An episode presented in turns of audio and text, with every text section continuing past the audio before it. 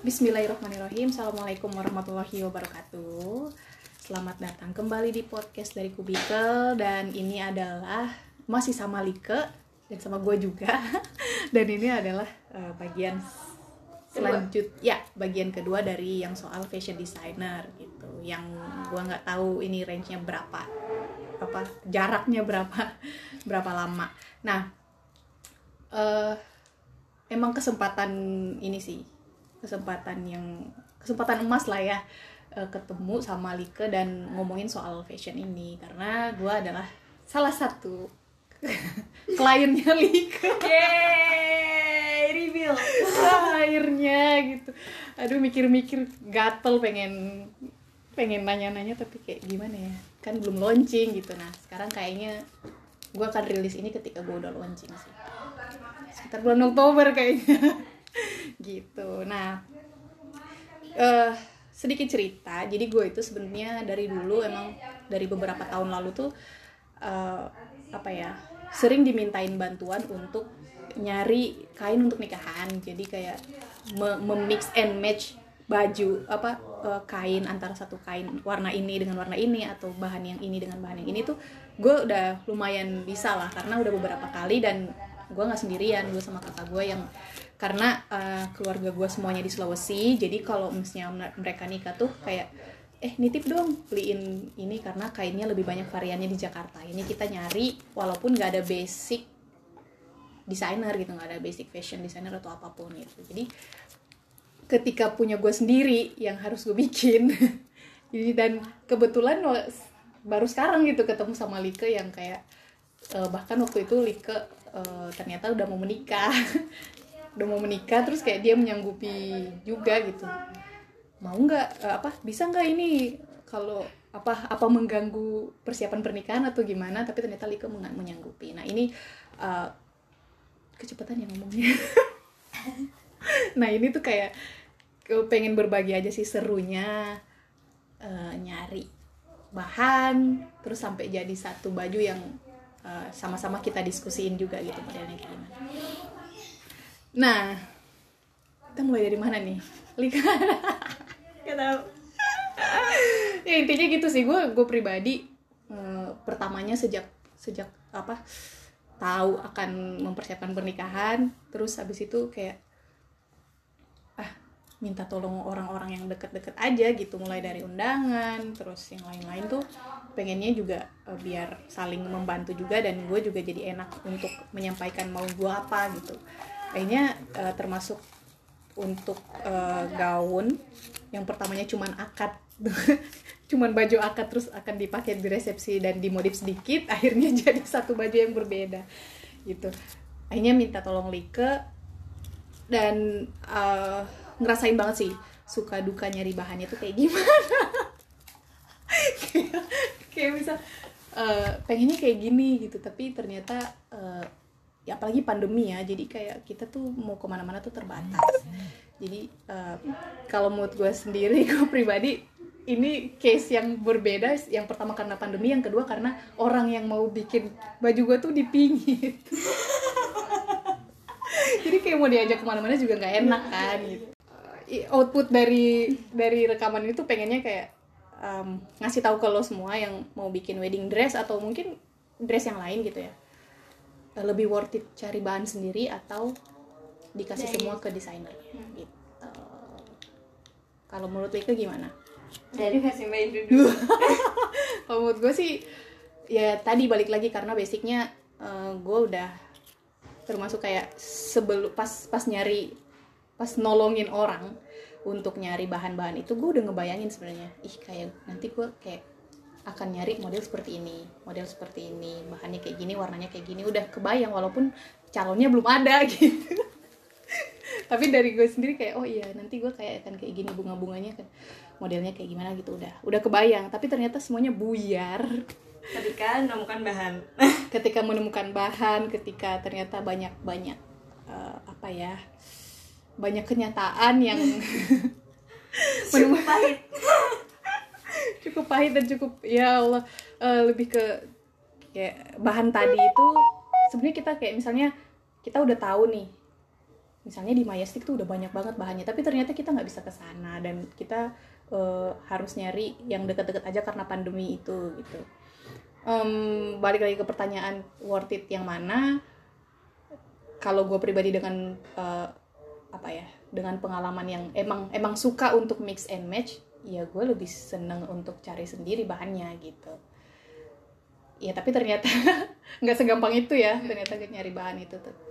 Karena eh, waktunya kurang yang pertama waktunya kurang yang kedua tempatnya juga nggak eh, apa nggak tepat ya waktu itu. Tempatnya nggak tepat dan pun banyak kondisi. Eh gimana iya dan akhirnya kan nyari-nyari payet dan sebagainya itu ternyata nggak gampang gitu kalau dari Lika sendiri kalau misalnya udah berapa eh, dari sekian klien yang udah dilayanin lebih enak nggak sebut jumlah lebih enak gimana gitu sebagai seorang desainer Kalau mungkin sebelum ke arah word mana, hmm. aku sekalian ini uh, tips eh, added value juga ya. oke. Kalau buat teman-teman yang mau bikin dress atau terkhusus wedding dress itu perlu mungkin nih ini ini insight aja. Kalau jadi ada kayak di aku ya, di aku sih itu eh, aku meng- me- mengutamakan proses. Jadi eh, aku tetap ada proses desain gitu kan Hmm. jadi mungkin aku share juga ya dari klien yang sebelum-sebelumnya ada yang minta "Hmm, Lika aku mau bikin wedding dress kayak gini terus dia ngasih gambar dia ngasih gambar satu dua tiga empat Hmm. jadi aku maunya yang kayak gini tapi lengannya kayak gini tapi ininya kayak gini tapi ini kayak gini Jadi gue juga gitu deh. Eh, enggak ini agak beda nih Hmm. yang pertama ini terus dia tuh hmm, aku bilang gimana ya? Eh, intinya aku menyampaikan bahwa sebenarnya dari satu baju itu dia udah punya proporsi siluet yang seperti itu. Jadi ketika memang ditambah dengan eh, desain yang lain dicampur aduk jadi gado-gado gitu looknya akan berbeda gitu. Hmm. tampilannya bakalan beda gitu. Hmm, itu pertama. Jadi eh, itulah kenapa aku sering kali beberapa kali itu kalau bisa eh, peran aku sebagai eh, yang ngedesain dimaksimalkan gitu Hmm. jadi kalau misalkan eh, jadi cukup bilang misalkan ada emang ada referensi referensi WA aku. referensi baju bisa tapi jangan disatukan semuanya jadi dimanfaatkan si desainernya. Tolong didesainin pertama sesuai dengan karakter gitu. Kayak Hmm. lama banget ya mbak ini bakalan Gak apa apa. sesuai sama karakternya terus warna yang disuka seperti apa terus eh, ini dicatat banget. Jadi eh, maunya itu dressnya itu sepanjang apa terus look tampilannya itu definisinya disamakan. Kayak misalkan eh, aku maunya yang simple elegan. Aku maunya yang glamor. Aku maunya yang eh, ya dis- yang dreamy atau yang eh, apa ya Hmm. modern gitu. Atau ya disampaikan aja gitu. Jadi benar-benar konsisten dari awal dan spesifik. Jadi ketika desainernya itu mau nge-create dan ngebuat desain itu bisa sesuai sama yang dimau. Lebih penting itu sih. Jadi tahu apa yang dimau dan eh, itu tadi diupaya di dimaksimalkan si desainernya itu. Hmm. gitu. Em, apalagi ya? Untuk cari bahan. Hmm. cari bahan sebenarnya kalau dari aku pribadi eh, nggak ada masalah sama sekali. Jadi beda-beda ya tiap orang tuh. Ada yang eh, nggak mau eh, apa ya jadi kalau misalkan klien terlibat dalam proses ada yang punya harga berbeda gitu. Mhm. jadi kalau desainer misalkan ini contoh ya ada desainer yang kalau semua all in di aku budgetnya X Hmm. tapi kalau kamu terlibat dalam eh, bahan misalkan budgetnya maka XX Mm-mm. nah jadi kayak di Oh, malah double just- berapa gitu. Oh, iya jadi malah karena dia akan lebih susah sih ya. Karena dia akan lebih kesulitan. Terus apalagi ya terlibat dalam proses pengerjaan misalkan. Eh, entah ah, gimana ya tapi bisa jadi ada yang kayak gitu kan. Ya misalkan dia juga sebenarnya sama-sama desainer atau kayak gimana. Terus jadi ya itu akan nambah lagi. Dan aku aku pernah lihat ada beberapa beberapa beberapa list yang kliennya itu terlibat dari beberapa segmen sampai akhirnya yang paling tinggi itu benar-benar kayak ya XXXXX gitu. Nah Iya tapi kalau jadi balik Nambah lagi ke beban.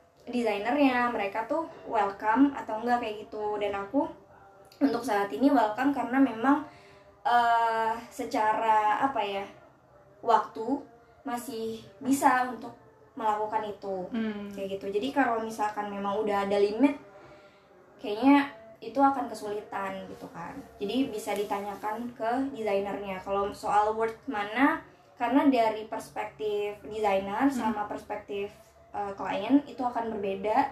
Dan kalau misalkan secara budget gitu kalau desainernya menerapkan yang tadi di awal berarti kan uh, lebih berat jatuhnya di klien gitu kan. Itu sih. Yap. Ah, tadi aku kepikiran sesuatu tapi nah aku eh, aku pribadi merasa sangat beruntung ya karena ketika aku memerlukan ini gitu memerlukan jasa ini ternyata ada Lika gitu yang kayak dari ini udah hasilnya udah ada nih. Dan kita tuh udah lumayan apa ya kayak orang pacaran. Kayak tiap hari tuh kayak eh, apa intens banget gitu untuk menemukan eh, yang yang gue mau gitu. Tapi ternyata apa ya kepikiran juga tadi eh, ke nggak segampang itu loh bikin wedding dress itu gitu. Banyak yang harus di eh, ini harus di apa namanya harus disesuaikan gitu mulai dari eh, waktu pelaksanaannya terus habis itu venue-nya di mana iya. itu mau di ballroom atau mau di rumah mau eh, malam atau siang itu ternyata berpengaruh banget gitu. Nggak cuman sekedar kita seleranya warnanya apa terus modelnya kayak gimana tapi akhirnya ternyata jatuhnya jadi nggak nggak bagus gitu ketika di iniin sama yang lain. Nah ini kayak seninya apa ngurusin wedding sendiri tuh ini ini sih ya Eh, dan jadi termotivasi juga untuk bikin wedding wedding organizer tuh gara-gara gara-gara itu juga gitu. Ini juga butuh bonding sih antara antara klien sama nah itu dia. customer. Jadi biar buat tahu banyak hal sekaligus itu biasanya yang butuh diskusi ngobrol yang banyak biar tahu. Iya, tapi kan ada eh, ada orang kalau misalnya ada orang yang pengennya jadi gitu ya, tahu jadi. yes. Kalau misalnya emang orangnya itu nggak pedulian, maksudnya kayak dia nggak merhatiin banget sedetail itu untuk eh, wedding dressnya atau eh, kecocokan antara wedding dress dengan eh, konsep acara. Kalau menurut gue sih, ya ada juga yang sewa kan ya gitu. Tapi kalau ketemu orang kayak gue yang kayak ternyata banyak maunya juga gitu eh, bonding itu emang penting banget sih dan alhamdulillah ketemu Lika gitu Iya yang Tuh, alhamdulillah itu jadi singkat kayak singkat banget ya iya itu parah banget. Kayak Lika kemarin tuh nanyain eh kapan sih eh, kasih deh ancang-ancang gitu. Karena kan eh, gue sebagai orang awam yang kayak ya udah sih dress itu tuh nggak nggak seribet itu gitu loh. Terus ternyata kayak oh iya ternyata mau bikin payetnya bikin polanya dan apa banyak konsultasi beberapa kali tuh ya butuh waktu juga. Tapi ini nggak sampai sebulan ya? Nggak? Ya karena memang ya, Ya. walaupun buru-buru juga ya karena tadi Karena Lika ada ada pindah. ada hajatan lagi terus dia akan eh, segera pindah jadi kita konsultasinya untuk eh, diskusi untuk wedding dressnya juga akan jadi susah juga gitu. tapi gue pribadi puas sih dengan ini ya gue jadi kayak apa ya kayak me- me- makin menghargai profesi orang tuh kayak apa gitu kayak aduh orang klien banyak maunya. Ini baru satu loh klien satu. Belum lagi ketemu sama klien yang lain. Belum lagi dengan berbagai ha- hambatan yang lain gitu. Jadi ya masuk sama pembahasan podcast gue. Tadi masih ada lagi gak sih? Hmm. gitu. Oh ini. Nah iya, kan eh, jadi kalau di gue ya yang gue yang gue amazed dari Lika juga. Pas gue ngeliat eh, detail banget gitu ngasih ngasih apa? Rincian oh. rincian biayanya seperti apa gitu. Gue nggak nggak expect bakal bakal dapet itu sih. Serinci. gitu, serinci serinci itu. Dan akhirnya jadi berpikir kayak dari eh, apa proses desain yang paling susah. Di luar ide ya di luar ide kalau ide itu emang mahal banget. Itu apa yang paling susah dari kalau misalnya bikin wedding dress wedding dress sebenarnya dari semua baju ya dari semua nggak nggak harus wedding dress sih ya nggak harus wedding dari semua koleksi baju atau apa pun eh, proses kreatif Yips. proses kreatif itu dari awal hingga akhir Ah, sih. Iya, soalnya Karena- ide itu akan muncul terus ya. Yes, proses kreatif itu dari awal hingga akhir. Jadi kalau misalkan eh, dituntut untuk menghargai itu ya harganya variatif, Hmm. bergantung dari ya nilainya dia gitu. Ya. Bedanya adalah kalau misalkan di bidang kreatif juga kan portofolio yang jadi Iya ini sih. kan Iya. di, bis- dia bisa dilihat, dia bisa diketahui nilainya dia sekian Iya. dari sana gitu. Makanya. Hmm. Ada tips nggak buat teman-teman untuk memilih desainer? Oh, yang pertama, hmm, coba dilihat dia punya karakter apa enggak. Hmm. Karakternya dia seperti apa, kayak gitu. Kalau misalkan muslimah, terus pengennya di eh, desainer yang spesifiknya tuh baju yang lebih terbuka, eh, mungkin itu akan jadi pertimbangan gitu.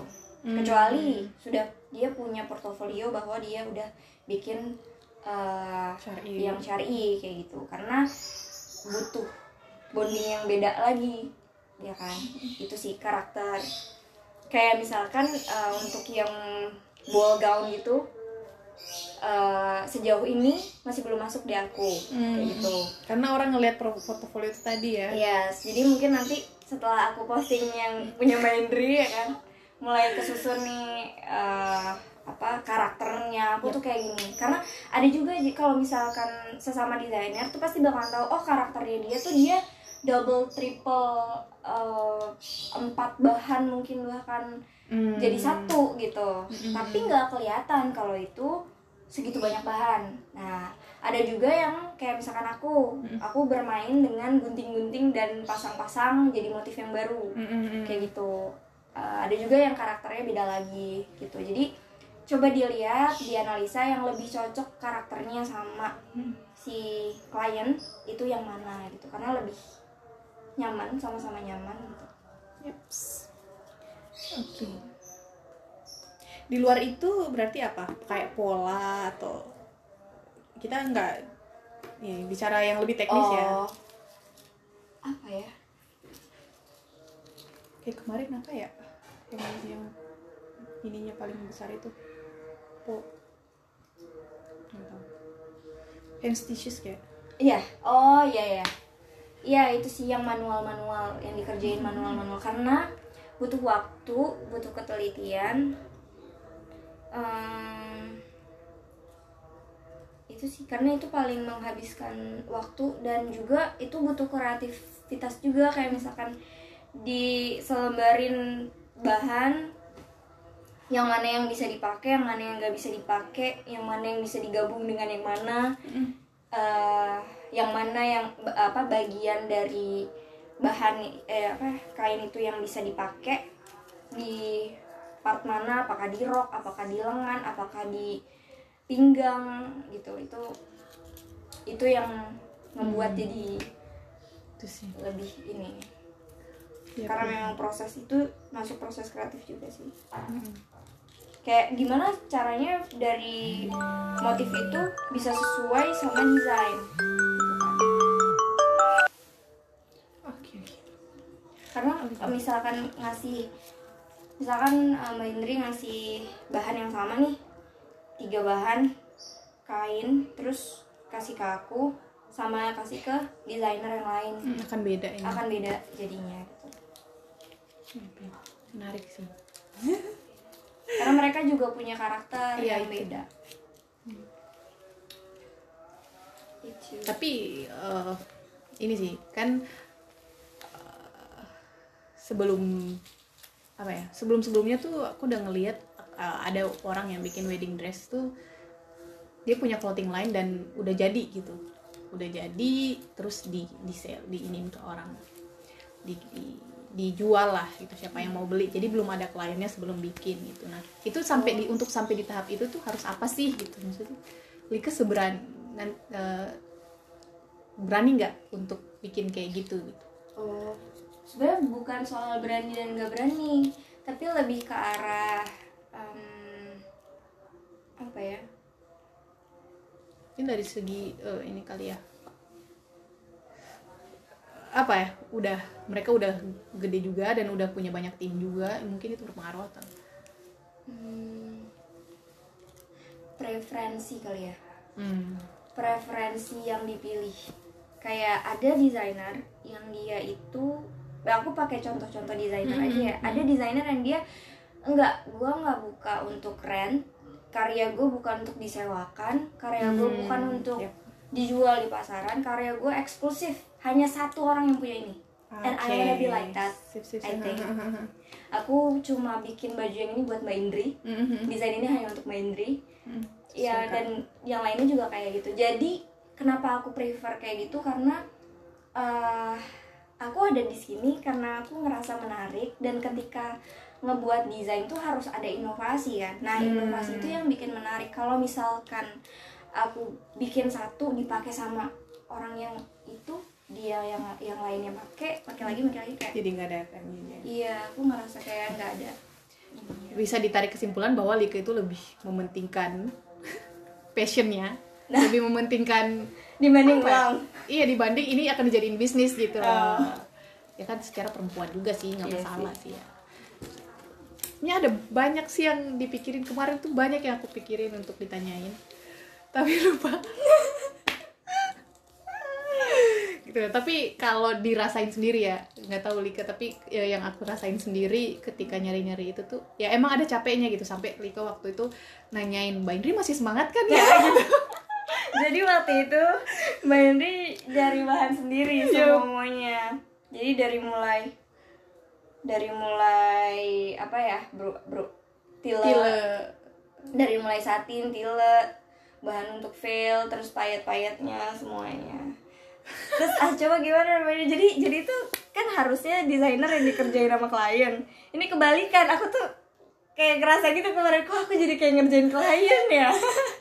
Ya untungnya untungnya aku pribadi emang ya itu ke seneng, seneng gitu nah. untuk untuk mix and match dan ngebayangin sambil ngebayangin gitu. Jadi uh, makanya tadi aku tanya ke Lika untuk jadi uh, masuk ke dunia desain itu emang harus menguasai semua apa enggak? Gitu. Karena kalau aku pribadi cuman ada di satu titik di ya udah suka aja mix and match gitu mm-hmm. gitu nah waktu itu emang ya ada capeknya sih kayak aduh Bete begitu gak? begitu beli yang yang paling ini tuh yang paling nyesek tuh udah beli terus nggak nggak bisa dipakai gitu dan iya, tapi nggak bisa ya?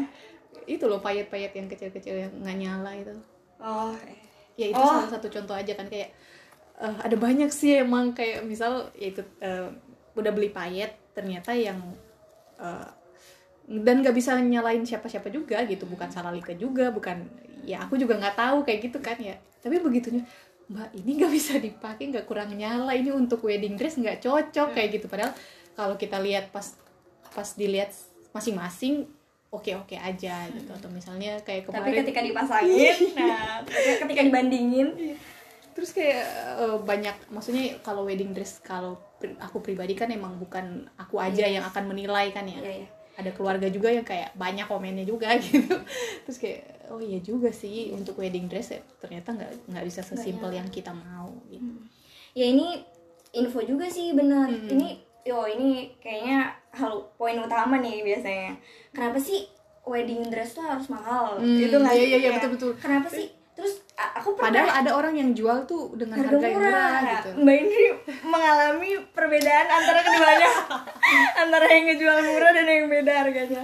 Mbak ini mengalami itu juga. Pertama kedua mbak ini ngalamin uh, prosesnya. Yep. iya ternyata. Jadi uh, pertama apa ya yang bikin beda dari material saya juga beda ya. ya. Jadi mungkin untuk bisa pernah... mewah itu tuh ternyata bahannya tuh be ada harga ada barang itu ada terjadi. Eh, aku pernah denger gini.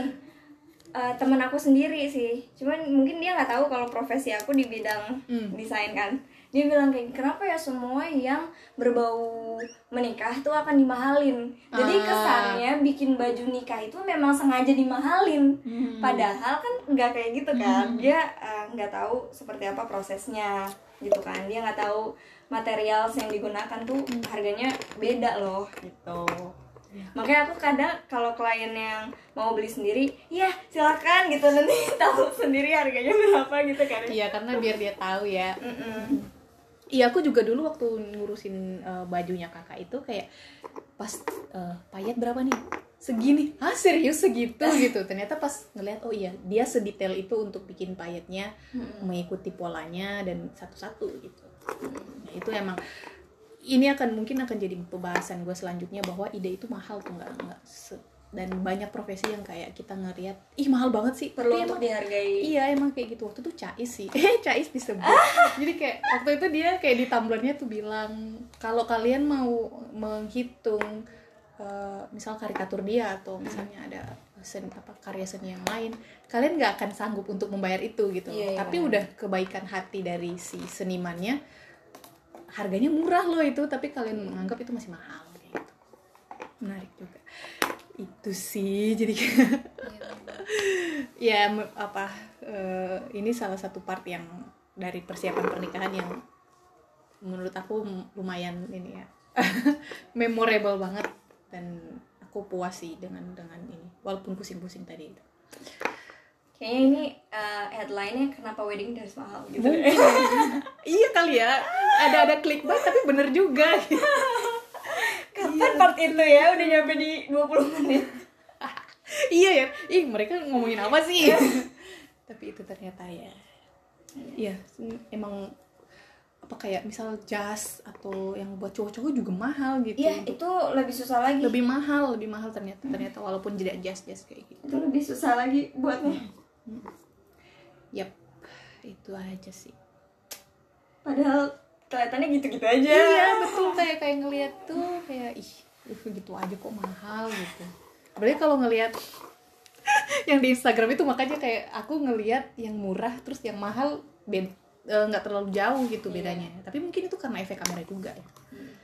Ada yang kayak eh, cuman kebaya biasa tanpa dalamannya dalamannya kita harus cari sendiri dan dia harganya 2 juta dua setengah juta gitu. Iya. Tapi ternyata pas aku lihat lagi karena udah udah banyak diskusi oh iya payetnya itu payetnya tuh se serapet itu loh gitu. Dia tuh punya effort besar untuk bisa dapet si gaun itu. Apalagi kayak gaun-gaun Miss Universe atau Putri Indonesia kayak gitu. Kan kita nggak kayak ngeliatnya biasa aja gitu. Tapi ternyata enggak sedetail itu gitu iya Swarovski-nya disusun dan sebagainya. Oke semoga bermanfaat. Ini setengah jam. Semoga bermanfaat apa yang kita ini. Dan ah, kalau misalnya teman-teman yang mau mempersiapkan pernikahan mungkin akan ada part sendiri yang akan gue omongin di sini sih. Walaupun sebenarnya nggak nggak ini cuma pengalaman pribadi aja. Terima kasih buat Like yang sudah membuat kasih. wedding dress aku dan mau juga iya makasih udah percaya sama aku. M- ditanyain ditanyain ditanya-tanyain soal fashion designer. Kita penasaran sih kita kita berdua penasaran eh, impressionnya orang tentang baju ini tuh kayak apa. Ya ya gitu ini kolaborasi sih tapi lebih banyak Dika sih.